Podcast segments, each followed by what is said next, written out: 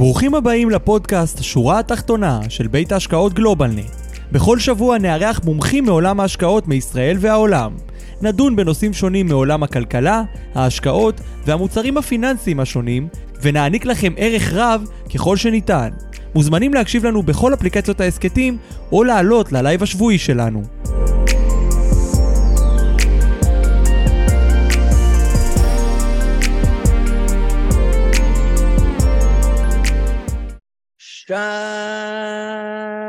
שלום לכולם וברוכים הבאים לשורה התחתונה, פרק 128, כיף גדול שאתם כאן איתנו לפרק נוסף, אה, הנושאים הבוערים בעולם הפיננסי. ברוכים הבאים, אנחנו מתחילים עוד פרק, עוד שבוע לאחר הבחירות, והיום שם הפרק זה העם בחר IRA. אבל uh, דווקא היום אנחנו הולכים לדבר על uh, כל מיני נושאים מעניינים, טדי ואוהד, שהולכים להתארח כאן היום, אוהד וייגמן, יושב ראש גלובלנט, וטדי לין, מנכ"ל גלובלנט, uh, קופות גמל, הולכים לדבר קצת על ניתוח תיקי השקעות בגמל, מגמות, הזדמנויות, ולמה כולם הולכים ל-IRA. אז על זה אנחנו הולכים לדבר היום. ורגע לפני שנתחיל, וכמו תמיד, חשוב אה, לנו להדגיש כי אין לראות אה, בוובינר, בשיחה, תחליף לייעוץ או שיווק פנסיוני או שיווק השקעות או ייעוץ מס או המלצה בנוגע לכדאיות אה, השקעה במוצר כזה או אחר. אין לראות את הוובינר כהזמנה לביצוע פעולה במוצר פנסיוני או פיננסי. המידע המוצג הוא לידיעה בלבד ואינו מהווה תחליף לייעוץ המתחשב בנתונים ובצרכים של כל אדם. בשביל זה אנחנו מזמינים אתכם להיוועץ עם איש מקצוע מטעם גלובלנט, או אה, כל איש מקצוע אחר שיכול להסתכל על התיק שלכם ולקבל יחד איתכם את ההחלטות אה, המושכלות בהתאם אה, לצרכים שלכם. אז רגע לפני ונזמין את המרצים שלנו היום, אני רואה הרבה אנשים אה, טובים אה, בקהל, איתנו פה ב live בזום. אפשר לראות אותנו ב live כמובן גם בזום וגם בפייסבוק. אה, אז איתנו פה בזום יש לנו את אשר גולדשטיין, כיף גדול לראות אותך פה איתנו. אה, דוד, בועז, רן, רן דורון, כיף גדול לראות שאתה פה איתנו היום. אה, שמואל, זק, זאבה, אפי, אריק, גלית, לוין, כיף לראות אותך פה איתנו, שוחחנו מוקדם יותר היום, דורון, דן, יגאל, אה, ליאור, מוטי, מיקי, אה, משה, עופר, שגיא, שי, שמוליק, הרבה מאוד אנשים טובים, הרבה גם שמות חדשים, אז כיף גדול לכל מי שמכיר ולכל מי שנכנס בפעם הראשונה. אני מקווה שהוובינר הזה ייתן לכם ערך רב. אז בואו נזמין את המרצים שלנו היום, הצמד, אה, שתמיד מקבל את הדירוגים הגבוהים ביותר בצפיות אצלנו בוובינר. אה, טדי ואוהד, שלום אוהד, ערב טוב. ערב טוב, ערב טוב, מה שלומך? מצוין. הנה, טדי נפרד. היי, מה העניינים? טדי נפרד מאורחים ומתפנה אלינו. שלום, טדי. מעובדים, מעובדים. הם, הם, הם מנצלים את ההזדמנות כדי ללכת מהמשרד, ברגע שאני מזמין עולה להבין. בורחים, בורחים. יפה. טדי, מה העניינים איתך? בסדר גמור. מתרגשים כרגיל לפני כל וובינר. יפה. אז uh, טדי ואוהד, כיף גדול שאתם איתנו היום להציג... Uh, מה, מה אנחנו נדבר היום? קצת מגמות? לאן ה-IRA הולך? כן. אנחנו הולכים לדבר קצת על IRA מנקודת... אוהד, יש לך קצת... בבקשה.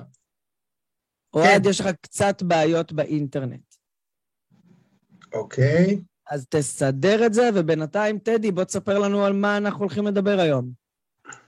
אז הרעיון זה להסתכל על ה-IRA בנקודה קצת אחרת, מה שמדברים עד היום, איזשהו ניתוח עומק, קצת על הביצועים של הגופים המוסדיים בתקופה האחרונה, אה, ואיזושהי השוואתיות אולי קצת על מה אפשר לעשות עם תיק אה, בצורה קצת אחרת, אולי אפילו קצת יותר טוב מהמוסדיים, קצת לדמות את המוסדיים ולעשות את הדברים אפילו, את הדברים אפילו יותר טוב מהם. מצוין. אתם, אתם שומעים אותי? זה בסדר? שומעים כן. אותך. מעולה. מקווה שזה יישאר כך. מעולה. אז אה, טוב, אוהד, טדי, הבמה שלכם. טוב, טדי, כפי שציינת, המטרה פה היא באמת להביא איזושהי זווית אחרת אה, להסתכלות אה, על שוק אה, חיסכון ארוך הטווח ועל האפשרויות שבאמת כל אחד מאיתנו יכול לסגל לעצמו, להשתמש בהם כדי לייעל את ניהול הכספים שלו באותן קופות. אנחנו רואים את התנודתיות המאוד מאוד משמעותית מתחילת השנה. זה לא משנה באיזה גוף אנחנו מנהלים את הכספים, אנחנו בהפסדים לא, לא קטנים, ונשאלת השאלה האם אפשר אחרת, ובעיקר מה? איך לעשות את הדברים אחרת. אז אני חושב שהתשובה תמיד היא כן, בסופו של דבר אנחנו חייבים, אני חושב, תמיד אה, לחשוב איך אנחנו יכולים לעשות את הדברים אחרת, איך אנחנו יכולים לעשות את הדברים יותר טוב, אה, בסופו של דבר, אנחנו, ההיסטוריה הכלכלית, נקרא לזה ככה, כל הזמן משתנה, אנחנו חושבים שמה שהיה זה מה שיהיה, ואנחנו רואים שהעולם כל הזמן מפתיע אותנו מחדש, אז אה, אנחנו בעצם מחויבים כל הזמן להסתכל על מה שהיה, לנסות להבין מה יהיה, ולקבל החלטות. חלק מההחלטות שלנו הן מאוד ארוכות טווח, חלק הן יותר קצרות טווח, אז אנחנו צריכים להסתכל על שתי הממדים האלה, ואיך זה, איך, איך בעצם התיק שלנו צריך להיראות, איך הפורטפוליו שלנו צריך להיות בנוי, וככה בעצם לשקול את הצעדים שלנו לטווחים, ה, נקרא לזה קצרים בינוניים ולטווחים ארוכים. כי בכל תיק, בעצם בכל פורטפוליו נכסים של בן אדם, יש לו את הפנסיה, מה שאני קורא לו ארוכת טווח, אה, ויש לו את היותר קצר טווח, חלק מהכסף הרבה פעמים צריך להיות יותר נזיל, חלק מהכסף אה, צריך להיות אה, יותר בטוח, ואז איך אנחנו בונים את התיק הזה בצורה יותר נכונה. כרגע דווקא הרעיון של המצגת הזאת היה קצת להתרחק, אה, להתרחק מהקצר טווח, אלא להסתכל באמת בטווח הארוך. לקחת ביצועים ארוכי טווח של גופים ולהשוות אותם ולנסות לאתגר את זה. דיברתי השבוע עם איזשהו דוקטור באוניברסיטה, אמרתי, תקשיב, אנחנו צריכים לעשות איזושהי עבודה יותר רצינית. יש משהו מדהים שכמעט ואין עבודות אה, רציניות מאוד ברמת אה, פרופסורים וכאלה על אה, עולם ההשקעות בארץ, כאילו ברמת האוניברסיטאות, או לפחות אני לא חשוף אליהם, או שאם היו, הם, בטח לא השקעות בקבוצות גמל ופנסיה. הניתוח הזה, נכון, הניתוח של הביצועים של הגופים, ארוכי טווח, זה משהו מאוד מאוד מעניין. הרי אנחנו רואים כל חודש את הפרסום של הביצועים. עכשיו, מה אנחנו רואים בעצם? אנחנו רואים טבלה של בערך 10-12 גופים מוסדיים, בסופו של דבר אנחנו רואים איך הם ביחס לעצמם, אנחנו לא רואים אותם ביחס לכל מיני גופים אחרים. ואז אנחנו יכולים להשוות אותם לכאורה למנהלי קרנות נאמנות, אבל זה לא, זה, לא, זה לא אותו מוצר, זה לא אותם שיקולים. אנחנו לא יכול להשוות אותם למנהלי תיקים, אבל זה גם כן לא אותה השוואתיות, גם כן הכללי השוואה הם שונים. ולכן יש לנו לא מעט מוצרי השקעה בארץ, ואנחנו לא כל כך יכולים להשוות אחד מול השני, ובטח התיק הפנסיוני שהוא מאוד מאוד שונה. אז, אה, אז אנחנו טיפה חיים באיזשהו כן, סוג של בועה, כשאנחנו מסתכלים כן. על גוף מוסדי, מה הגוף המוסדי המוביל? אבל רגע, בוא נשווה למה קרה בשוק, מה הם הדברים הנוספים שיש לנו להסתכל עליהם. אז זה קצת מהדברים שאנחנו ננסה לגעת היום, בלי לעשות uh, תזה לאוניברסיטה, אבל כן אני חושב שאם איזשהו פרופסור uh, או איש מחקר ירצה להרים את הכפפה, אנחנו נשמח לשתף פעולה כדי להפוך את זה לאמפירי. אתה יוצא בפנייה נרגשת לקהילה, מה שנקרא. תראה, אולי הסיבה שהאקדמיה אה, ובטח הציבור לא אה, מביעים אה, עניין כל כך אה, משמעותי באפשרויות, זה כי באמת רוב הלקוחות לא יודעים שיש אפשרות אחרת. כלומר, מבחינתנו, או מבחינת רוב החוסכים במדינת ישראל, המשחק הוא מאוד מאוד מצומצם, כמו שאמרת, איזשהו משחק סגור בין כמה גופים, שבמקסימום אני אשווה אותם אחד לשני באותה נגזרת של מוצר ספציפי שבה אני חוסך, כדי לראות איפה הכי כדאי לי לחסוך. מעטים מאנשי המקצוע באמת חושפים את החוסכים לאפשרויות, הלכתי, לאפשרויות נוספות, הנה, הכל בסדר, לאפשרויות נוספות, ובטח ובטח לאפשרות של קופה בניהול אישי שבסך הכל בעצם מאפשרת לנו לעשות כל דבר שנרצה. עכשיו, אם לא נעבור את הרוביקון הזה של ההבנה שאנחנו יכולים להחליט איך נראה תיק ההשקעות הפנסיוני שלנו, שלרוב האנשים זה גם תיק ההשקעות הגדול ביותר שהם ינהלו. מבחינה מספרית זה בהחלט רוב האנשים. אם לא נעבור את הרוביקון הזה בשביל להבין שיש לנו שליטה על איך שהדברים נראים, על רמת הסיכון שבה אנחנו משקיעים, על התנודתיות שהתיק שלנו אה, מתנהל בו, על כפי שאמרת, השלב המתקדם הזה של להשוות את אותו תיק למגוון האפשרויות של ניהול ההשקעות, ולא רק באותה, באותו סל של מנהלים מי ניצח את מי, צריך לומר, ואתה גם כמוני היית וישבת בוועדות ההשקעה של גופים מוסדיים, בעצם גם הגופים המוסדיים מבינים את זה, והם לא מנהלים את התיק בעצם מהבנה של אה, לנצח איזשהו בנצ'מארק, הם בסך הכל רוצים לנצח אחד את השני.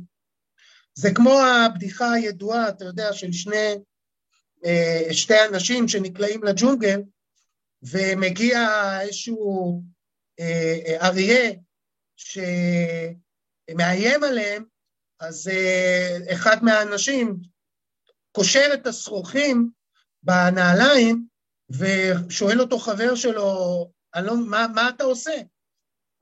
יש פה אריה, בסופו של דבר אתה לא, לא תצליח לנצח את האריה בריצה, הוא אומר, תשמע, אני לא צריך לנצח את האריה, אני בסך הכל צריך לרוץ יותר מהר ממך. אז אה, זה פחות או יותר מה שקורה בארץ בנגזרת הקופות. בסך הכל הקופות צריכות לנצח אחת את השנייה, ולא להסתכל באיזושהי ראייה רחבה, כי הלקוחות לא כל כך מודעים לאפשרויות שלהם. אז טדי, מה האפשרויות? בוא נסתכל רגע. אז הנה, אז קודם כל אני אפתח את המצגת, תגידו לי קודם כל, בואו נקווה שאנחנו רואים את המצגת. רואים את המצגת בעצם? רואים מצוין, העתיד בניהול אישי. או, העתיד, ההשקעות בניהול אישי. יפה. אז קודם כל, בואו נתחיל בשקף הזה. זה שקף שאני מתחיל להצמיד כמעט לכל, ה... לכל המצגות שלי לאחרונה, כי יש לנו קודם כל איזשהו עיוות במחשבה, כמו אנחנו בסופו של דבר ישראלים, חיים בשוק הזה, במדינה הזאת, ורוב ההשקעות שלנו בדרך כלל יהיו מאוד מאוד קרובים לבית. זה מה שנקרא home bias. יש לנו הטיה לביתיות. אנחנו נוהגים בעצם, אנחנו מכירים יותר טוב את הנדל"ן בארץ, מכירים יותר טוב את החברות, את השוק בארץ, אז זה משהו שקיים לא למשקיעים, אה, נקרא לזה ככה, לא מנוסים, משקיעים גם כן מאוד מנוסים, גם מנהלי השקעות, ואם אנחנו נסתכל על התיק שלנו, של התיק הפנסיוני שלנו... כן, מאוד הגיוני שמנהל השקעות יתעסק במה שהוא באמת מכיר לעומק. זה, זה גם נכון לאותו מנהל השקעות ספציפי, להתעסק רק במה שהוא מבין.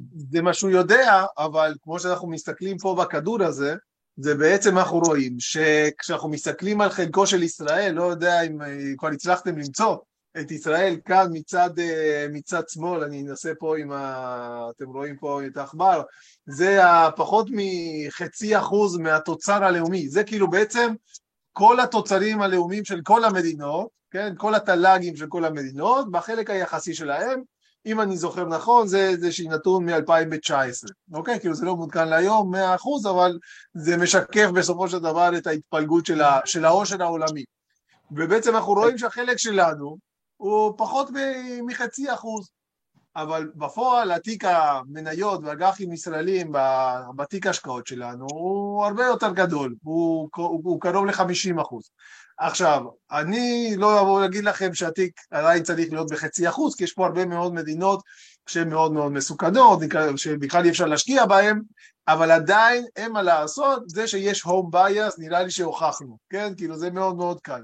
השאלה כאן קודם כל האם זה נכון שיש home bias, או באיזה מידה צריך להיות איזשהו כן סוג של הטיה, כי עדיין זה נכון, השוק הישראלי עשה תשואות מאוד מאוד יפות בעשר שנים האחרונות, הוא באמת בחלק מאוד מהמקרים היכה את המדדים, עוד מעט נראה שלא כל כך, אנחנו אולי חושבים שטיפה יותר ממה שאנחנו חושבים על עצמנו. הנדל"ן עלה מאוד מאוד יפה, ובאמת מי שהשקיע בישראל עשה תשואות לא רעות, בטח במובנים אה, של שקל, כן? אה, עכשיו, אבל מה שאנחנו רואים כאן בסופו של דבר זה כמה דברים שאנחנו חושבים שאנחנו לא מספיק חשופים אליהם. ארצות הברית היא בסופו של דבר כ-25 אחוז, רוב ההשקעות שלנו באמת כשאנחנו משקיעים בחו"ל, אולי מהתיק חו"ל, 80 אחוז או 90 אחוז הוא ארצות הברית. אנחנו הרבה פחות מתייחסים לצד האירופאי, אוקיי? כאילו, ויש פה מן הסתם כמה מדינות מאוד חזקות, כמו אנגליה, כמו גרמניה, צרפת, ספרד, באמת, יש יותר מדינות יותר קטנות. אה, בוודאי שאנחנו לא חשופים לאסיה. מדינות גם שמתועבות הרבה יותר גבוה ממדינת ישראל, וזה גם עניין מהותי כשאנחנו מבצעים השקעה. במדינות שיש בורסות בינלאומיות, דרך אגב, יש, איפה, אה, ברח לי? יש בורסה בבלגיה ובהולנד, שהן בורסות בעצם שהן כאילו מחוברות לבורסות אחרות בעולם, אז זה לא רק שהם משקיעים בחברה ספציפית, והיום רוב החברות הגדולות באמת הן חברות כבר פן-אירופאיות, הן לא חברות סתם אה, בלגיות, הולנדיות או שוויצריות. אה, החלק של אסיה, אני חושב שזה מאוד מאוד ברור שאנחנו לא מושקעים באסיה, ויש לנו בעיות להשקיע באסיה. סין הוא אולי 16 אחוז, אבל מאוד מאוד קשה להיות חשוף לסין.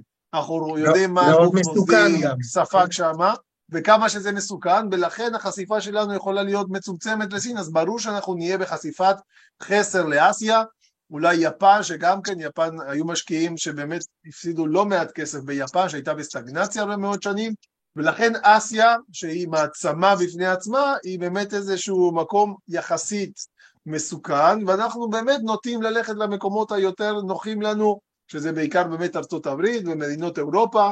Uh, בכלל על דרום אמריקה אני לא אדבר כי באמת יש מעט מאוד הזדמנויות, גם רוב המדינות הן מתחת לדירוג השקעה, אז אי אפשר להשקיע בהן, אפשר להשקיע בחברות גדולות.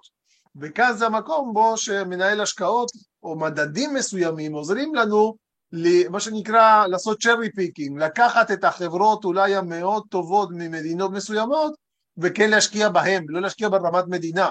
יכול להיות שפטרוברס הברזילאית או סמקס המקסיקנית הן בעצם חברות אולי מאוד מאוד טובות להשקיע שהן חברות ענקיות ברמת החברה ולכן זה מה שאפשר לעשות ויש מדדים בעצם של חברות של מה שנקרא emerging markets אבל בוודאי בסופו של דבר. מנהלי השקעות הולכים בעיקר למדדים, פחות uh, לחברות ספציפיות, בגלל חוסר הבקיאות. אבל ב...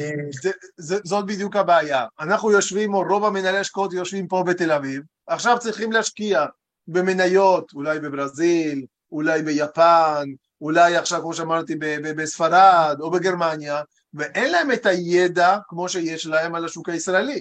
ואין להם את אותו רמת של ניתוח, והם לא, מכירים, לא מכירים את המנכ"ל של החברה, ולא מכירים בדיוק את היומיום של החברה, ואז סוק, סוקרים בעצם בינלאומיים, אה, כותבים עבודות מחקר, ובעצם המש... רואי חשב... אה, סליחה, האנליסטים, המשקיעים, הישראלים מתבססים על אותות עבודות מחקר.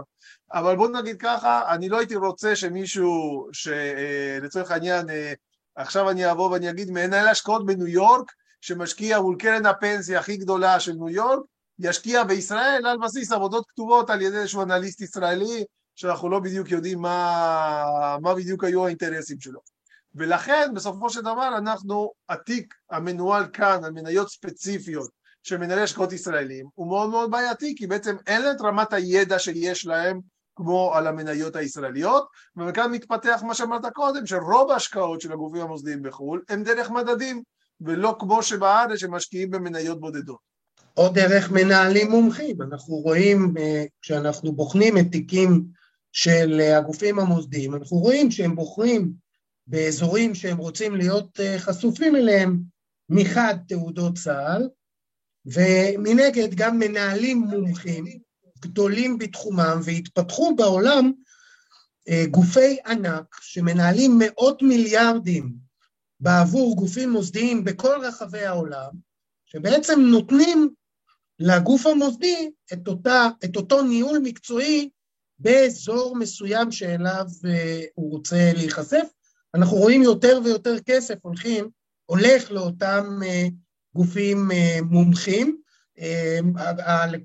הגופים המוסדיים בישראל מוגבלים ביכולת שלהם לשלם, אותה מגבלה של 0.25 למנהלי השקעות חיצוניים, ולכן אה, עדיין אנחנו רואים בעיקר תעודות צה"ל אה, בחלק הגלובלי של, אה, של התיקים אה, של כולנו בעצם. נכון. דרך אגב, עוד דבר יפה שאפשר. אה, ללמוד פה, מהשקף הזה, ומישהו שמע אולי גם את המבטא שלך, זה את האהבה האדירה שלך לכדורגל, טדי. אני עוד מעט מונדיאל, אתה יודע, כל מה שאפשר כאילו ל... ל... להכניס לתוך אה, צורה של כדור אה, הולך כרגע. כן, כן, אני את זה מבין. אה, אוקיי. אורוגוואי שלי אבל אפילו לא מופיעה פה, אתה מבין מה יש פה? כאילו יש לך צ'ילה, קולומביה, ארגנטינה, ברזיל, מקסיקו, ואיפה אורוגוואי? אתה יודע, מה, מה נעשה? זה, בזה אנחנו לא מצטיינים, בתוצר לאומי. כנראה שפחות. בכל מקרה, אה, אוקיי, אז בוא נתקדם רגע.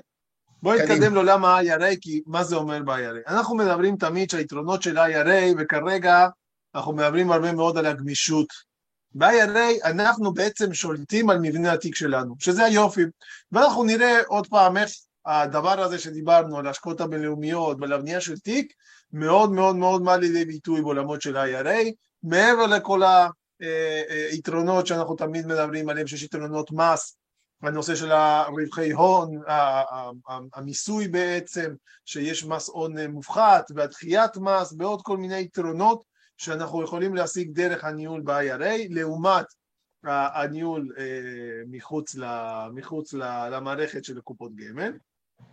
אנחנו גם כן, כמו שאנחנו מציגים תמיד, יש גידול אסטרונומי בנכסים המנוהלים, מה שנקרא, לאט לאט זה מתחיל לחלחל, והתיק כבר לא של, לאט לאט, אה, אנחנו רואים בשנתיים האחרונות, מהר, מהר, כן. מעל 30 אחוז, זה כבר לא... זה השוק הכי צומח בתחום אה, חיסכון ארוך הטווח, והוא הרבה מאוד שנים לא, לא התפתח. ואני חושב שגם. ה- הבגרות של האוכלוסייה, של המשקיעים, ככל שעובר הזמן, ככל שגם מן הסתם, אתה יודע, אנשים רואים את התנודתיות גם שקיימת ב- בתיקים המנוהלים בקופות הגמל, ההשתלמות והפנסיה, ואנשים רוצים לקחת שליטה. אבל איך עושים את זה?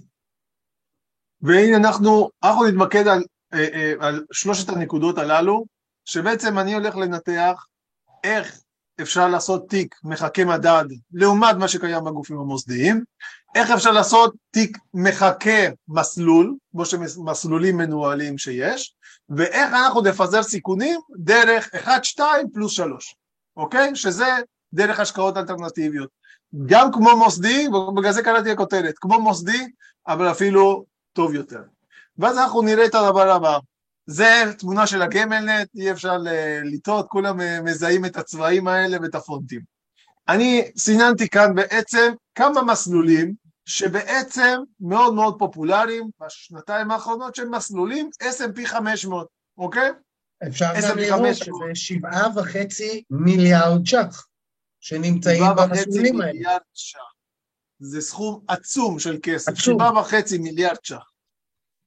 עכשיו אם אנחנו נסתכל, אנחנו נראה שכל המסלולים האלה הם, הם מסלולים שלו, בעצם שעוקבים אחרי S&P 500, S&P 500 מדד מאוד מאוד פופולרי, מאוד מאוד נזיל, מאוד מאוד פשוט לעקוב אחריו, מה שנקרא, מה שיש ב-S&P 500, כולם יודעים מה מקבלים, אין הפתעות, אין כמעט ניהול השקעות, אין ניהול השקעות אקטיבי. אנחנו רואים פה שני דברים מאוד מעניינים מבחינתי, אוקיי? דבר ראשון, אנחנו רואים שיש מסלול, פחות מעניין אה, להגיד את השמות של היצרנים, אבל כולם רואים אותו. יש מסלול אחד שעשה מינוס 9.35, ויש מסלול אחד שעשה מינוס 6.28. שאלה ראשונה שאתה תשאל אותי מה היא? למה יש הבדל בין המסלולים כשזה אמור לחקות אותו מדד? זה אמור 500, לתת בדיוק 500. אותו לק- דבר. לקחנו את אותה תקופה, אותו מסלול, העמיתים אמורים להיות אדישים למה שהם מקבלים. עכשיו, מה שקורה בסופו של דבר זה שגופים מוסדיים, לא חשוב למה, אבל יש כל מיני סיבות, בעיקר סיבות תפעוליות, בסיבות של תהליכי ניהול השקעות, בסופו של דבר לא מצליחים להביא את המדד, כי אתה תשאל אותי מה השאלה השנייה בעצם, כמה, כמה המדד עשה, טדי? כמה באמת עשה המדד, מינוס תשע או מינוס שש.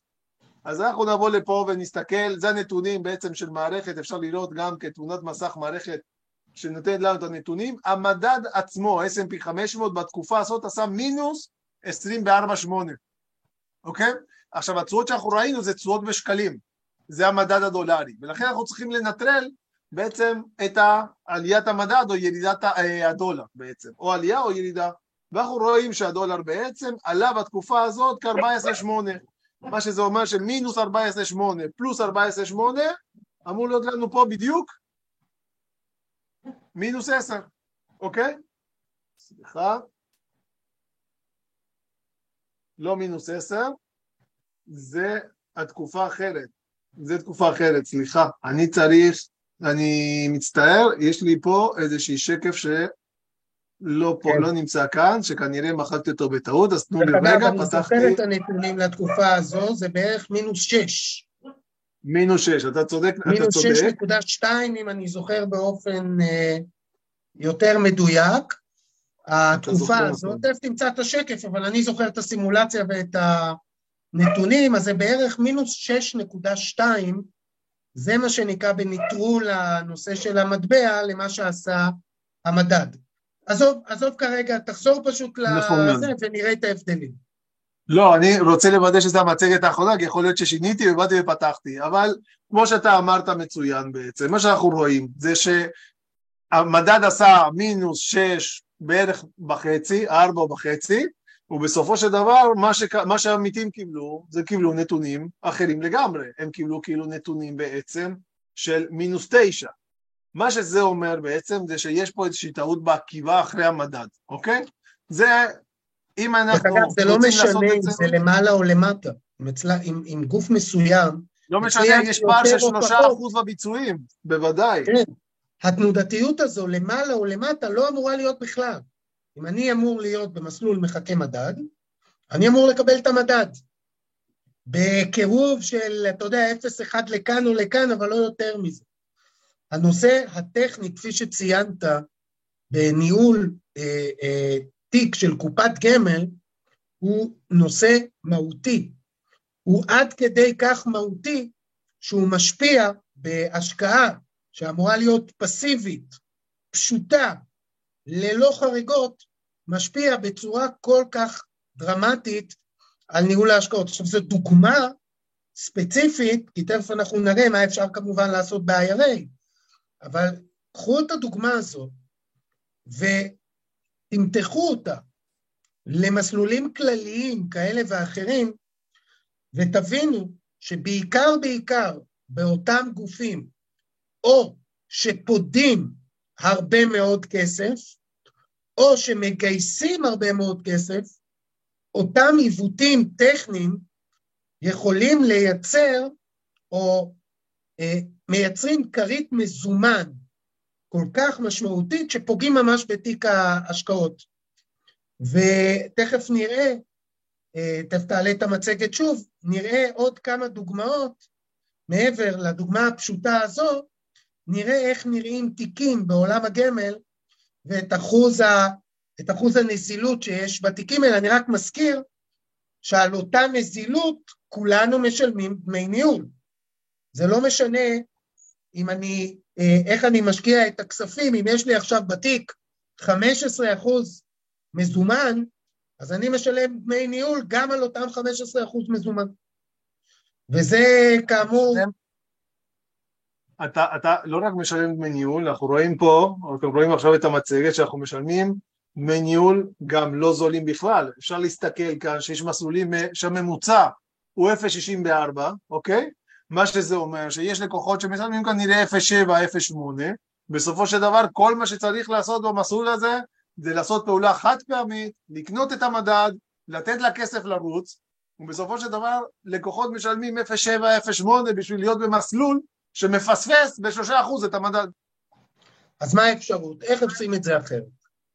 אז האפשרות היא מאוד מאוד פשוטה, באמת ב- לפתוח קופת גמל או קרן השתלמות ב-IRA, אנחנו יכולים להעביר את הכסף ממסלול לצורך העניין, מסלול רגיל אה, מנוהל לכאורה, שזה לא מנוהל, אבל כן בחברה שבעצם יש לה מסלול S&P, להעביר אותו לקופת גמל בניהול אישי, ולקנות ביום הראשון, ביום הראשון קונים תעודת סל S&P, הדמי ניהול שלנו, של הפלטפורמת IRA, היא חצי ממה שמשלמים בקופת גמל אה, רגילה, ובעצם לתת לכסף לרוץ, למה לשלם למנהל השקעות על אי פעולה שהוא מבצע, או פעולה שהוא מבצע בצורה לא נכונה, עוד יותר, יכול להיות שאנחנו עוד ניפגע. ואז אנחנו בעצם שולטים על הכסף שלנו, רצינו S&P, קיבלנו S&P, ואותו דבר ב-S&P יכול להיות תל אביב 125, יכול להיות על הדאו ג'ונס, יכול להיות על כל מדד שהוא, אבל רגע שאנחנו החלטנו, יש פה בסופו של דבר שבע וחצי מיליארד שקל מסכנים של עמיתים, שמשלמים פי שתיים דמי ניהול למה שהיו צריכים לשלם, ומקבלים תשואה שלא מה שהם רצו לקבל. אני לא אומר אם ה-S&P יעשה טוב או רע, זה כבר משהו אחר, אבל לפחות שיקבלו את ה-S&P, זה מה שהם ביקשו לקבל. אז זו דוגמה טובה לאיך אה, הגמישות והשליטה שיש לי על אה, מדיניות ההשקעה מאפשרת לי גם להשיג אותה, לייצר בדיוק את מה שרציתי, וגם לחסוך באופן משמעותי בדמי הניהול. ושוב פעם, אנחנו לא מדברים פה. על מסלולים של פנסיה, יש גם מיליארדים בקרן פנסיה. אנחנו מדברים רק על גמל והשתלמות. כן. עכשיו גם איזה סכומים, איזה מספרים באמת אפשר להעביר? נניח ואני באמת רוצה, כפי שאותם שבעה וחצי מיליארד שקלים רצו להשיג את ה-S&P 500, איזה סוג של כספים אפשר להעביר היום ל-IRA? כל קרן השתלמות שאי אפשר להעביר, זה המוצר הכי פשוט, אפשר בקלות להעביר אותו. ובקופות גמל אפשר להעביר כספים שהם כספים נזילים, בכספים לא נזילים, כי מאחר ואנחנו משקיעים כאן בתעודות סל, בעצם אפשר להעביר כל קופת גמל שהיא, כי משקיעים בתעודות סל. אז יש, במקרים מסוימים יש מגבלה של מיליון שלוש מאות בקופות גמל. כאן אין את המגבלה הזאת, כי אנחנו משקיעים בתעודות סל, אנחנו עוקבים אחרי המדדים, ולכן כל קופת גמל שהיא, כולל רכיבי פיצויים, אפשר להעביר ל... אה, כולל מקרן פנסיה? כולל מקרן פנסיה, שוב פעם, כשאנחנו מדברים על קרן פנסיה יש לנו סיכון אחר שאנחנו לא רוצים לאבד את הרכיבים הביטוחיים. לא, אני מדבר על צריך... נניח מסולק, שאני לא מפקיד, יש לי כסף איפשהו בקרן לא פעילה, פנסיה. פנסיה לא פעילה כמובן שאפשר להעביר. פוליסות ביטוח לא פעילות. במקרים מסוימים, גם כן צריך לבדוק אם זה לא פוליסות ישנות מדי שיש מקדמים טובים, אבל בטח מ-2001, 2002 בעצם הם, הם פוליסות שהמקדמים שם הם יותר, פחות טובים נקרא לזה ככה, בדמי ניהול גבוהים. והרבה פעמים צריך לבחון האם קרן הפנסיה, אם הקרן פנסיה היא בעצם, יש צלילה יפה, אפשר לפצל חלק מהכסף, בוודאי את הפיצויים, אפילו את הקרן פנסיה, במקרים מסוימים צריך לבדוק את זה, זה צריך בעצם להתייעץ באמת עם אה, אה, יועץ פנסיוני, שאפשר לעשות את התהליך הזה ולקחת חלק מהכסף ולהעביר אותו למקומות הללו, יש שם איזשהו יתרונות מסוימים, שאולי זה לא הרגע להיכנס אליהם, מבחינת אה, בעצם פיזור אז, סיכון אז למה אתה מעריך? ואולי אתה לא מעריך, אולי אין לך תשובה, אבל למה אותם שבע וחצי מיליארד ש"ח שרצו לקנות את אותו מדד, למה הכספים האלה לא יושבים ב-IRA בדמי ניהול, חצי דמי ניהול? למה? לא מקשיבים לשורה התחתונה. אם היו מקשיבים לשורה התחתונה, היו שומעים לנו והיו מבינים את הכסף. אבל אנשים עדיין לא מספיק מכירים את הפוטנציאל ומה שאפשר לעשות בעולמות של ה-IRA. פשוט לא מכירים את זה. אוקיי. אז בואו נעביר לנושא אז בואו נתקדם, אה, עכשיו. תיקים מחכים. אז אמרנו קודם כל, תיק מחכה מדד. יש לנו את התיק מחכה מדד, זה היה הבולט הראשון. הבולט השני זה תיק שמחכה מסלול נקרא לזה קלאסי. ואז אני, אנחנו נסביר על, על, על מה זה מסלול קלאסי לצורך העניין. היום לקחתי שתי דוגמאות דוגמה אחת זה תיק, זה התיק שעשה את הביצועים הכי טובים בשנת 2021, אוקיי? אוקיי. ועוד מעט אני אראה את התיק שעשה את הביצועים. לא משנה מי. לא משנה שמות, אנחנו לא, לא, לא, לא משנה, אנחנו באים אה, ללמוד על הקייס הספציפי. אז אנחנו מסתכלים שיש... אבל זה היה התיק הכי מוצלח ב-2021. נכון, מסלול כללי, השתלמות כללית. אוקיי. זה גוף ש-40% מהתיק שלו מושקע במניות, עוד בערך 40 אחוז מושקע באג"חים, 7 אחוז הלוואות, 5 אחוז הלוואות עמיתים ועוד בערך 17 אחוז מזומנים, שאני מניח שחלק מהמזומנים משמשים בערך חצי ממנו לחשיפה בחוזים עתידיים לחו"ל, כי כשקונים חוזים עתידיים לחו"ל בעצם צריכים לשעבד או לשמור את המזומנים, אז אני מניח שהחשיפה פה בפועל הייתה בערך 50 אחוז למניות. 50 אחוז מניות, 40 אחוז אה, אג"ח, 5 מזומן, 5 הלוואות עמיתים. זה תיק שהוא באמת מאוד מוטה מניות, 2021 הייתה שנה מאוד טובה למניות, ואז התיק הזה טוב. באמת די, די רץ קדימה, אנחנו רואים את זה בשקף הזה, ואנחנו רואים את ההתאמה בצבעים, החלק הצבב הוא המניות, ואנחנו רואים שבאמת רוב רובה של התמורה, של התרומה לתשואה, 81 אחוז בערך, הגיע מעולם המניות. כל יתר המוצרים הרבה פחות, קצת אלטרנטיבי, אג"חי, אבל הרוב זה היה מניות בעצם. עכשיו אנחנו נראה מסלול אחר, שזה המסלול בעצם שהצטיין עד יולי 22. מה קרה עד יולי 22? הכל התהפך לנו.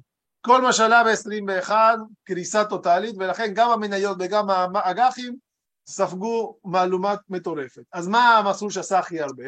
זה מסלול שבעצם יש פה 18% אלטרנטיבי. בעצם יש מסלול שבו יש לו רכיב מאוד מאוד מאוד יציב בתיק, 82% רכיבים אחרים, אז יש פה בערך 32% מניות, 12% הלוואות עמיתים, גם כן רכיב יחסית, אה, הוא תורם מעט מאוד תשואה, אבל לפחות כשהכל יורד, נשאר באפס. אז זה 12% באפס, אז לא זז. קצת שווי אה, מזומנים בעצם, אג"חים אה, ממשלתי באג"ח קונצרני.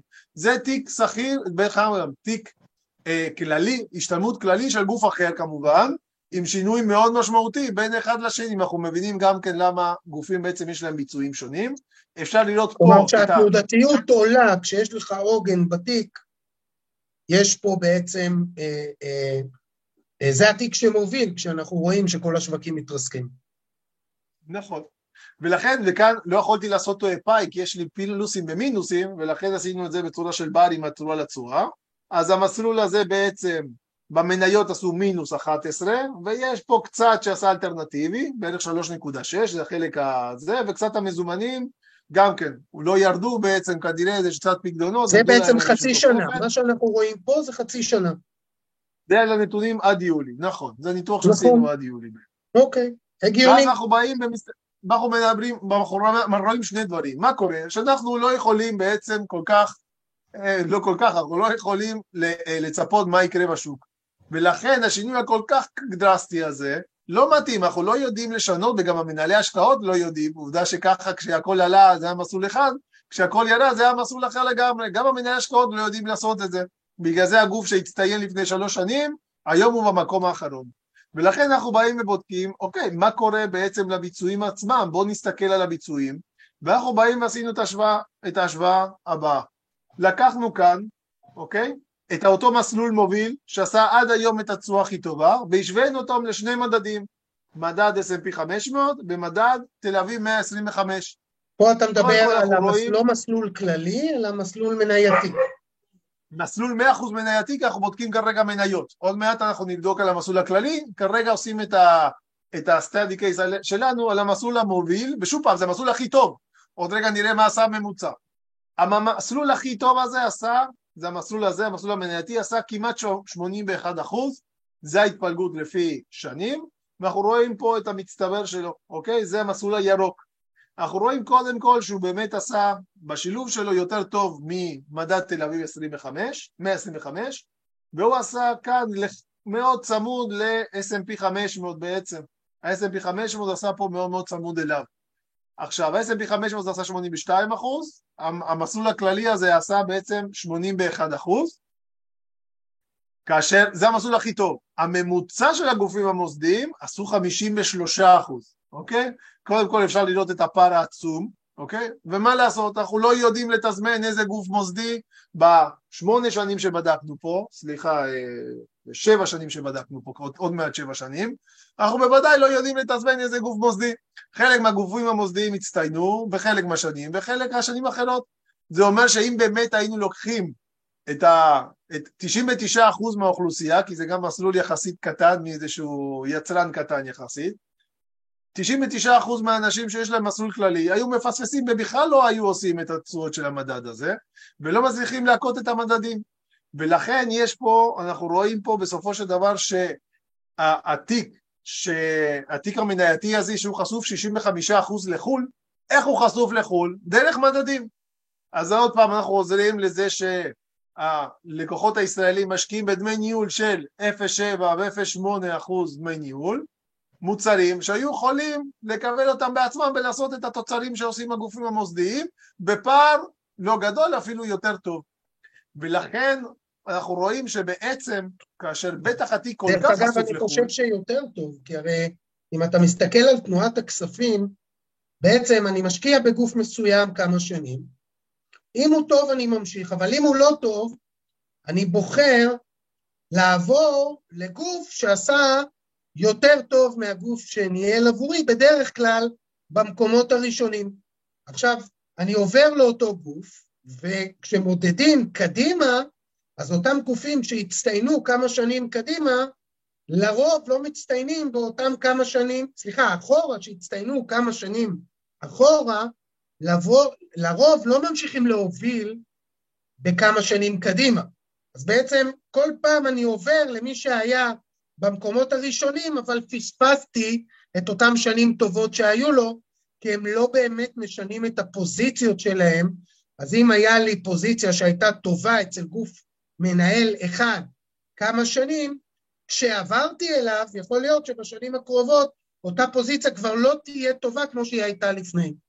וכל פעם אני מנסה לבחור את אותו כוכב, אה, אותו גוף מנהל כוכב, היום אני מאוכזב מזה, אז אני עובר מזה, ואז אני מפספס את הכוכב הבא, מה שנקרא.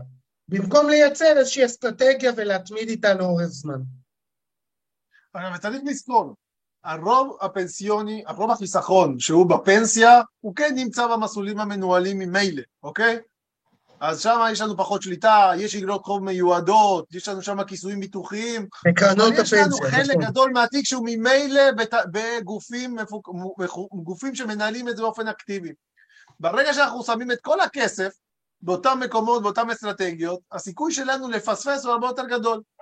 ויש לנו פה בעצם את הקונטרה במובן מסוים, שעוזר לנו גם לפזר סיכונים כדי שלא כל, הס... כל הביצים יהיו באותו סל, אלא גם כן סביר להניח אפילו לעשות הרבה יותר טוב. עכשיו אנחנו נבדוק מה קורה במסלול כללי, כי עכשיו הייתי במסלול מנייתי. אמרתי, זה מסלול מנייתי קלאסי, בערך 60-65 אחוז מהמניות בחו"ל, מן הסתם מאוד מאוד צמוד ל-S&P, כי זה מה שהם עושים, הם משקיעים ב-S&P, ולכן, עכשיו תחשוב את האבסורד, אתה משלם 0.8 על ניהול אקטיבי על החלק המנייתי בישראל, שזה 0.4, 40 אחוז. בעצם שילמת אולי אחוז 6 או אחוז 8 על ניהול של תיק ישראלי, שזה כבר אה, עוד איזשהו מימד. ומה שמשקיעים בחו"ל זה. בדרך כלל צמוד לאותו מדד. אפילו נכון. לא מצליח להשיג באמת את המדד. וכאן בדקנו מסלול הכללי. זה המסלול הכללי, קרן השתלמות כללית, שעשה הכי טוב בתקופה הזאת, בין 2017 ועד היום. אוקיי, אנחנו רואים פה שש שנים מלאות. ולכן אנחנו באים ומסתכלים על זה, ואתם רואים מיד לעין שהביצועים הם מאוד מאוד דומים, אפילו המסלול החלופי שיצרנו ממדדים, הוא עושה אפילו יותר טוב. אני רק אציין קצת על המסלול זה לא. מנוטרל, סליחה? מילה אחת רק. כן, רק מילה. אחת, זה לא מנוטרל דמי ניהול. אם היינו מנטרלים מפה דמי ניהול של 0.8 לחמש שנים, היינו מורידים עוד 4 אחוז, אז הפער היה עוד יותר גדול, כנ"ל בהשוואה הקודמת. אבל מה שנקרא, היינו לארג'ים. לא ניטרלנו את הדמי ניהול בעצם, בסדר? בדקנו רק נתונים ברוטו. ואפשר לראות שכשבאנו והרכבנו אה, מסלול תחליפי עם 25 אחוז של תל אביב, 25 אחוז S&P, 40 אחוז אג"ח ישראל ו-10 אחוז אג"ח חו"ל, בעצם יצרנו בסופו של דבר מסלול שמדמה תיק כללי, והשגנו, אפשר לראות כאן את הביצועים, הנה, יש פה בערך 27 אחוז, בעצם אפשר לראות פה שהביצועים הם מאוד מאוד דומים, חלק גדול מהתקופה אפילו המסלול ה, ה, ש, שיצרנו, מסלול גלובלנט נקרא לו, מסלול גלובלנט בעצם בכתום. מסלול המדדים בא ומכה את המסלול בעצם של הגוף המוסדי הכי טוב. אם הייתם לוקחים פה את הממוצע, בכלל אין ויכוח. את המסלול הכי טוב לקחנו, אוקיי? ואתם רואים שלא מצליח להכות את ממוצעת המדדים. למה? כי חלק גדול מהמדדים הללו הם מדדים בחו"ל. ומנהלי תיקים, מנהלי השקעות הישראלים, כמה שהם מקצועיים, כמה שהם טובים ורציניים, לא מצליחים להכות את המדדים בחו"ל. אה, כי אין מה לעשות, מאוד מאוד קשה מכאן לנקות את מדד במניות בארצות הברית, אפילו חלק גדול מהאמריקאים לא מצליחים להכות אותו. יש גופים אמריקאים מאוד מקצועיים, אולי נזכה מתישהו שיהיה לנו פה מנהל השקעות, תבינו את האבסורד. מדינה כמו מדינת ישראל אין לנו כמעט, או אומר כמעט כדי לא, לא לעשות הכללה, אין לנו מנהלי השקעות בינלאומיים שבאים פה לנהל השקעות בצורה מסיבית, אז uh, כל עוד יהיו מנהלי השקעות ישראלים שמנהלים תיק בארצות הברית, כנראה שאנחנו ניצמד למדדים, ובשביל שהמנהל השקעות בשונה מ-08 להיצמד למדדים, אנחנו יכולים לעשות את זה בחצי מחיר בקופת גמל בניהול אישי. עכשיו יש פה שאלה, עדי קורן שואל, האם בקופות IRA אני יכול לבצע שינויים מיידיים, והוא רושם תוך יום אחד, בהרכב ההשקעה, אם זה שינוי במניות מדדים או כל, או כל שינוי אחר, והוא מוסיף, היום עקב הסיכון הגיאופוליטי שהולך ומתחזק, יש צורך חשוב לתגובה מיידית של עדכון התיק. אז אה, בוודאי. מה, איזה שינויים אפשר לעשות ב-IRA? אז התשובה היא בוודאי. היופי בתיק הזה, בקופות גמל, בקרן השתלמות, בניהול אישי, זה שאתה, אה, אמרת השם? עדי קורן. אתה בעצם מקבל שליטה על חשבון. אתה זה שיכול לעשות את הפעולות. אתה רוצה עכשיו לקנות מסע, מס, מדד תל אביב 20, 125, קנית. אחרי שעתיים אתה רוצה למכור אותו כי אתה חושב שזה S&P 500, אתה מוכר את, את המדד וקונה את המדד הבא. כלומר, זה לא ברמה יומית, שהם- זה תוך יומית. מה? זה לא תוך יום, זה תוך כמה דקות אני מחליף את התיק. תוך כמה דקות, זה מיידי. אתה זה שמחליט מה לעשות עם הכסף שלך. בגלל זה אנחנו חוזרים על זה כל הזמן, זה שליטה מלאה על הכסף, על החסכונות שלך. שלך ולא של אף אחד אחר. בואו נסביר קצת את כן, המנגנון כן שעומד אחד גדול. מאחורי, מה זה חשבון שלי? איפה יושב החשבון הזה? אז בוא, נ- בוא נבין משהו. אנחנו לצורך העניין, יש לנו חברה מנהלת של קופות גמל בקרנות השתלמות, בדיוק כמו שיש לכל אחד מהיצרנים שאתם מכירים בשוק. זה ילין, זה אלטשולר, זה מיטב, זה חברות הביטוח. לכולם יש בעצם, אני משתמש בידיים, יש חברה מנהלת. מתחת לחברה מנהלת יש מלא חשבונות. בקופות גמל, נקרא לזה ככה של מיטב, שהייתי מנכ"ל של מיטב, היו לי את המסלולים שאתם מכירים, יש את המסלול הכללי, אג"ח, מניות, יש עשרה מסלולים מוגדרים, וכל לקוח בוחר לאיזה מסלול להצטרף. בקופות גמל בניהול אישי, החברה מנהלת גלובל לניהול קופות גמל, יש לה אלפי חשבונות, וכל חשבון הוא אישי, בכל חשבון הלקוח ספציפי מקבל את ההחלטה. ולצורך העניין, אתם המנהלי השקעות של עצמכם, אתם המנהלי השקעות של המסלול שלכם. בקופות גמל שלנו יש אלפי חשבונות, אלפי מסלולים אפשר להגיד, כל אחד עם המסלול שמתאים לו, כי הוא זה שמבצע את ההשקעות. וזה היופי, זה השליטה המלאה שאמרתי. עכשיו, כמו בקופות גמל, נקרא לזה ככה, מנוהלות רגילות, מיטב, ילין, החשבון, בנק, החשבון יושב בבנק. אם זה בנק פועלים, בנק לאומי, הלקוח יכול לבחור באיזה בנק. אם הוא רגיל לעבוד בבנק פועלים, את החשבון בוחר בנק פועלים. איפה הוא רוצה את זה, באיזה בנק הוא רוצה. הוא רוצה גם, גם ברמה של בנק וגם חברי בורסה. ויש מעט חברי בורסה, ואנחנו גם כן פועלים להרחיב את כמות חברי הבורסה שהלקוח יכול לעבוד איתו, ובעצם הכסף יושב בבנק. ההבדל היחידי זה שאנחנו, החברה מנהלת, נותנים לו את המטריה הרגולטורית, ובגלל זה הוא מקבל קרן השתלמות וקופת גמל עם כל ההטבות הטבות המס. הוא יכול לקבל את הטבות המס בגלל אותה מטריה. נכון. אז טכנית פותחים חשבון עבור חברת גלובלנט ניהול קופות גמל, עבור יוסי, עבור חיים, עבור טדי, עבור אוהד, ואז לכל, לכל אחד יש את החשבון שלו, את המסלול שלו, היהודי שלו. אז איך אני מקבל שליטה על אותו מסלול? איך זה קורה בפועל? אנחנו, אתה עכשיו לקחת לצורך העניין שלך קרן השתלמות ביצרן מסוים. אתה מנייד אותו אלינו, אתה שומר על כל הזכויות שלנו, כי כמו שהיה לך קרן השתלמות ביצרן הקודם, עכשיו יש לך קרן השתלמות בגלובלנט. מנייד את הכספים עם כל. הוותק. כל הוותק, כל הזכויות, כל, ה... כל הצבע כסף, מה שנקרא במובן המקצועי, כל הרבדים, כל ההפקדות, הכל הכל אותו דבר. פתחנו חשבון, עכשיו נניח בחרת לפתוח בבנק הפועלים, נניח. נכון. אז אנחנו יש פותחים לך חשבון בבנק נניח הפועלים, שיש לי בפועלים ואני רוצה שזה יהיה צמוד לחשבון שלי בבנק פועלים. בדיוק, ואתה תוכל בעצם, אתה, אנחנו פותחים חשבון, החשבון ייקרא גלובלנט עבור אוהד ויידמן, ואתה תקבל ייפוי כוח. היפוי כוח שאני מתאם עם הבנק מאפשר לך לבצע את הפעולות בחשבון ואז אתה תיכנס למערכת של בנק הפועלים, אתה תראה את החשבון או שלך ויהיה לך עוד תת חשבון, חשבון מסחר של הקופת גמל שלך ואז אתה תוכל לקנות ולמכור במערכת של בנק הפועלים צמוד לחשבון או שלך, אם יש לך חשבון מסחר אחר בבנק הפועלים, יהיה לך עוד חשבון מסחר. החשבון הזה יהיה עוד חשבון שיהיה רגע, כשאני פותח את חשבון הבנק שלי בבנק פועלים, אני רואה את שתי החשבונות? נכון. אוקיי. והחשבון ייקרא... ואני יכול להיכנס חשבון... לניירות הערך ולסחור בחשבון הבנק, בעצם באותו לא. user וסיסמה שלי. אותה, אותה מערכת לגמרי, אתה, החשבון ייקרא גלובל נט עבור אוהד וייגמן.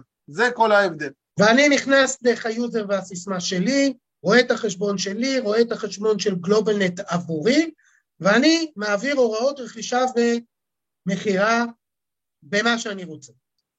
נכון, ועוד אתה תהנה מעמלות הרבה יותר טובות, כי בגלל שגלובלנט בעצם אה, אה משתמשת בכוח של ה-2 מיליארד שקל, 2.2 מיליארד שקל שלה, כדי לנהל משא ומתן עם הבנקים, ואז העמלות מסחר הן יותר נמוכות ממה שיש בחשבונות בנק הרגילים, אז גם זה איזושהי תועלת נלווית, נקרא לזה ככה, מהמסחר דרך החשבון שלנו. כן, הנה אפילו יש לנו את רן דורון, ששואל אם אני יכול לשפר לו, יש לו אה, במיטב IRA שמשקיע באמת בתעודת צה"ל, אם אני יכול אה, לשפר לו, אז כמובן שכן, רן, אה, במיוחד עבורך זה ברור, אנחנו נוכל uh, לעזור ולשפר לך את דמי הניהול, בדיוק כמו שגם טדי אמר, uh, ה-IRA, uh, זה, הוא אמר חצי בדמי הניהול, שוב, זה תלוי איפה ומה יש לך, אבל זה בהחלט זול, ובדרך כלל זול משמעותית ממה שיש לרוב האנשים. ואז... אז רן, אתה, אתה מוזמן לפנות. כולכם. אנחנו נבקש מאורן ש... שירשום לנו בצ'אט, בצ'אט עוד מעט את הפרטים, אפשר ל... ל... לדבר איתנו, לכתוב לנו, אנחנו מכירים גם כן... מצוין, במייל והכל. אז, והדבר האחרון, אמרנו ששלושה סעיפים, היינו בתיק מחכה מדד, אותו מחכה S&P 500, עשינו את התיק מחכה מסלול, כמו שקראנו לו, המסלול האישי, ויש לנו בדבר הראשון מישהו שהוא לא רוצה להשקיע רק במדדים, אוקיי? רוצה גם כן, רוצה גם כן בעצם לייצר תיק דומה למוסדיים שהיום גם כן המוסדיים משקיעים כמו שראינו קודם בהשקעות אלטרנטיביות. כמו שראינו את התיק שהיה. הכי טוב השנה. שהשנה בעצם גרם לפחות תנודתיות בגלל שהמרכיב האלטרנטיבי בעצם ראינו את התנודתיות המאוד גדולה שיש בעצם במדדים, בטח בתקופה כזאת, ואז אם מישהו רוצה להוסיף למסלול הזה איזשהו רכיב אלטרנטיבי, יותר יציב, יותר בטוח לאורך זמן, הוא גם כן יכול להכניס אותו, וגם את זה עשינו סימולציה. וזה בעצם... אגב, יש לנו עוד שאלה, שקף... רגע, לפני הסימולציה, כן. סליחה שאני עוצר אותך, פשוט לענות לחברים. נילי שואלת, אם אה, היא לא רוצה לסחור במדדים, אלא במניות ספציפיות, מה האפשרויות שלה. בוודאי. אז אמרתי במדדים כי זה דוגמה אחת לבניית תיק כולל, אבל אם בן אדם רוצה להשקיע בניירות ערך ספציפיים, הוא גם יכול, גם מניות בארץ, גם מניות בחו"ל, בכל בורסות בעצם אה, ישראל, ארצות הברית באירופה, אפשר גם כן באג"חים, אפשר גם כן לסחור באופציות, לא לכתוב אופציות, אנחנו לא מאפשרים לכתוב אופציות ממקום של ניהול סיכונים בעצם, אמ, אבל מניות, אג"חים, כמובן מה שנקרא ETFים, שזה אה, גם כן אה, אה, עוקב אחרי מדדים, קרנות נאמנות בחו"ל, מה שנקרא mutual funds, בעצם כל נייר ערך שאפשר לקנות בכל פלטפורמת מסחר שאני חושב שאנחנו מכירים, אפשר לעשות. אה, כל הנכסים, שם זה בעצם נהיה תיק ברמה אישית, נייר נייר. המגבלה קיימת, זה שזה מגבלה רגולטורית של פיזור נכסים, צריכים להיות לפחות עשרה נכסים בתיק, כדי שיהיה איזשהו פיזור מסוים, ולכן אפשר לקחת לצורך העניין עשרה ניירות ערך, עשרים, שלושים, מה שהוא רוצה, אבל לפחות עשרה, כדי שיהיה פיזור של עשרה אחוז פר נייר, שזה המגבלה הרגולטורית. אז אם לצורך העניין מועד, אתה רוצה להקים לך מסלול, אז אתה תקנה עשרה אחוז, אני סתם אומר, טסלה, אה, פייסבוק, אה, גוגל, אה, עשרה, עשר מניות לפחות, בכל אחד עשרה אחוז, ואז אתה תוכל לבנות את התיק לעצמך, או אג"חים, מניות אג"חים, אבל לפחות עשר ניירות. אוקיי, okay, אני רק רוצה שנייה שוב לענות על כמה שאלות, שאני רואה שאנשים מרחיבים.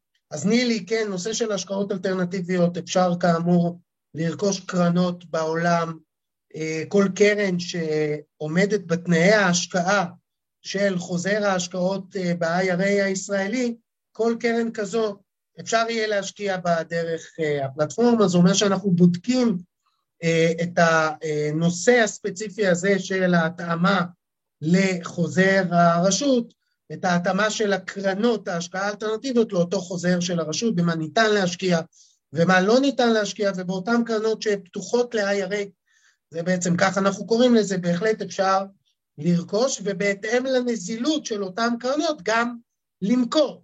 אז בהחלט יש מסחר, כאמור, לא יומי, בהתאם לתנאים של הקרנות, אבל בהחלט גם כל עולם ההשקעות האלטרנטיביות, לפחות זה שעומד בתנאים של אה, חוזר הרשות, בהחלט אפשר אה, לסחור.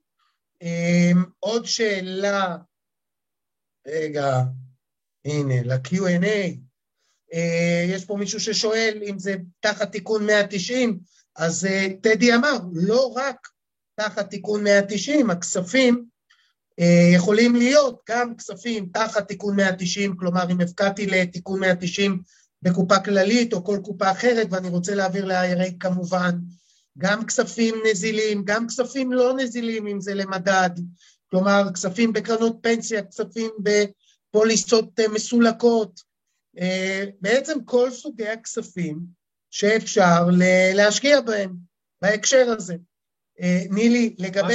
דוגמה לקרנות אלטרנטיביות, יש באמת עשרות רבות של אה, קרנות אלטרנטיביות שאפשר אה, לרכוש, החל מקרנות שמשקיעות בנדל"ן ואשראי פרטי וקרנות גידור וקרנות private equity, עולם שלם. נילי, שימי לב שבצ'אט רשמנו את המייל של גלובלנט, office שטרודל גלובלנט IL, תעשי copy paste, תשלחי לנו מייל, מה מעניין אותך, וניתן לך יותר מדוגמאות, ניתן לך בהחלט אה, אפשרויות ספציפיות כדי שתוכלי לבחור ולנהל לעצמך תיק מכל סוג שהוא, אלטרנטיבי, שכיר, כל סוג של אה, תיק תוכלי לנהל אצלנו אה, ב-IRA, וכמו שנועם שאל, כל סוג של צבע כסף. כל סוג של כן. צבע כסף. כל מי שמתלבט, כל מי שמתלבט, האם יש לי כסף שמתאים ל-IRA או לא מתאים ל-IRA, יכול לפנות אלינו, אנחנו עושים את זה עשרות כל יום, אנחנו עושים משהו שנקרא מסלקה פנסיונית, המסלקה הפנסיונית מאפשרת להביא את כל החיסכון שיש בכל הגופים בארץ ולהסתכל עליהם ביחד. מה?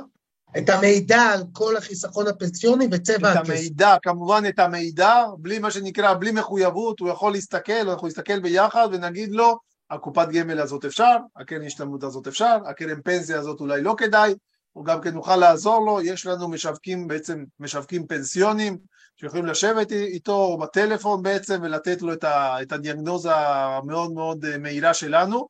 וככה הוא יכול לקבל את ההחלטה אחרי שהוא יודע מה נשאר לו, מה יש לו במוצרים השונים. וככה לקבל את ההחלטה ולהתחיל את הדרך, מה שנקרא בלי מחויבות, אה, בלי בעיה עושים את זה, לוקח יומיים שלושה לקבל את המידע. ואנחנו עושים את זה וככה אין ספקות. יפה, אז הנה הגענו לסוף השעה שלנו. שקף אחרון. שקף אחרון. אז מהר שקף אחרון. שקף אחרון אני אגיד מילה אחת, ומה שאמרנו שאנחנו יכולים בעצם להוריד סיכון דרך אותן השקעות אלטרנטיביות, זה איזשהו שקף ממחקר שאני מאוד אוהב, שאני אסביר אותו מהר מאוד, הוא מראה בעצם שלושת החיצים האלה אומרים איך על שלושה תיקים קיימים בעצם, מחקר מלפני, שכולל עשרים שנה של היסטוריה בעצם, אם היו מכניסים לתיקים הללו השקעות אלטרנטיביות, איך היינו בעצם מזיזים אותם לפינה הזאת השמאלית למעלה, שזה פינה שבו התשואה יותר גבוהה והסיכון יותר נמוך.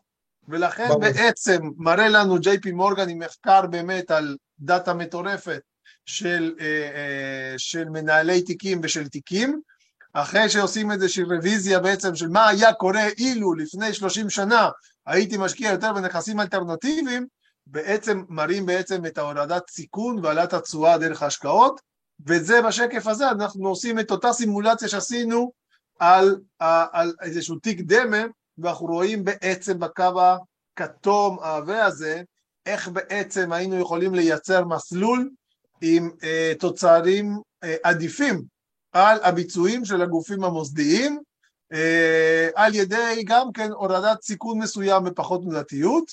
אנחנו נמשיך ומה שנקרא נרחיב בוובינרים הבאים, כי זה נושא שבעצם אנחנו. מבינים עד כמה, עד כמה הוא חשוב, עד כמה צריך בעצם כל הזמן להתעמק ולהבין אותו יותר. אוקיי, okay, עוד כמה, קודם כל תודה רבה טדי, עוד כמה תשובות לשאלות שאני רואה שעוד uh, עולות, חלק מהן חוזרות על עצמם, אבל זה בסדר גמור. Uh, גם מירי שואלת, האם אפשר כספים שהופקדו לתיקון 190? חברים, את כל סוגי הכספים אפשר להעביר ל-IRA. עכשיו זה תלוי איך רוצים לנהל, אם אני רוצה לנהל במדדים אז אני יכול את כל סוגי הכספים. אם אני רוצה בספציפי אז אה, חלק מסוגי הכספים, וכפי שאמר וציין טדי, אנחנו נעזור לכם, נוציא את המידע מהמסלקה, נראה מה ניתן ומה לא ניתן, כדי שלא אה, תעשו טעויות בהקשר הזה. נועם, נועם שואל האם אפשר לקנות קריפטו, כן, יש קרנות קריפטו, יש תעודות סל קריפטו, יש מגוון רחב מאוד של ניירות ערך מהעולם הזה, כל אחד יכול לקנות כמעט כל דבר. זה הגמישות שיש במכשיר הזה שנקרא IRA, ולקבל שליטה מוחלטת על מה שאתם עושים. אמ, ולכל מי ששואל, יש פה הרבה לגבי הכתובת. אני, אה, אחד, ממליץ להיכנס לאתר גלובלנט, תרשמו גלובלנט ישראל, ושם יש אה, פנייה אלינו ותוכלו לפנות דרך האתר. מי שרוצה, אני שוב חוזר, הכתובת שלנו זה אופיס, אופיס, כמו שזה נשמע, OFF, ICE, שטרודל, גלובל, נט, IL, במילה אחת, גלובל, נט, IL, במילה אחת, והסיומת נקודה קום. שוב, אופיס, שטרודל, גלובל נט על אל, נקודה קום. אז אלה הפרטים למי שרוצה אה, לפנות, אם לא הספקתם לרשום זה בסדר גמור, תרשמו באתר, אתם גם יכולים לרשום פה בצ'אט את הפרטים שלכם עכשיו, תרשמו את הפרטים שלכם עכשיו בצ'אט, לא ב-Q&A, בצ'אט, ואנחנו נחזור, אה, זה נרשם לנו באופן אוטומטי, ואנחנו נחזור אליכם עם אה, כל מה שתרצו, אה, וכמובן, תוכלו כמובן להיכנס לאתר, לרשום פנייה ו... תוך אה, יום-יומיים אנחנו נחזור אליכם ונעלה לכם על כל השאלות. אה, מצגת... נתקעת אה, לרגע. אה, חזרתי? חזרת, כן. אז בדיוק רציתי לומר תודה לך, ותודה למאזינים שהייתם איתנו. נתראה כמובן בשבוע הבא ביום שני, שבע בערב, ושבוע למוח... אחריו, יום שני, שבע בערב, מוזמנים להצטרף אלינו תמיד. להתראות. ביי, להתראות.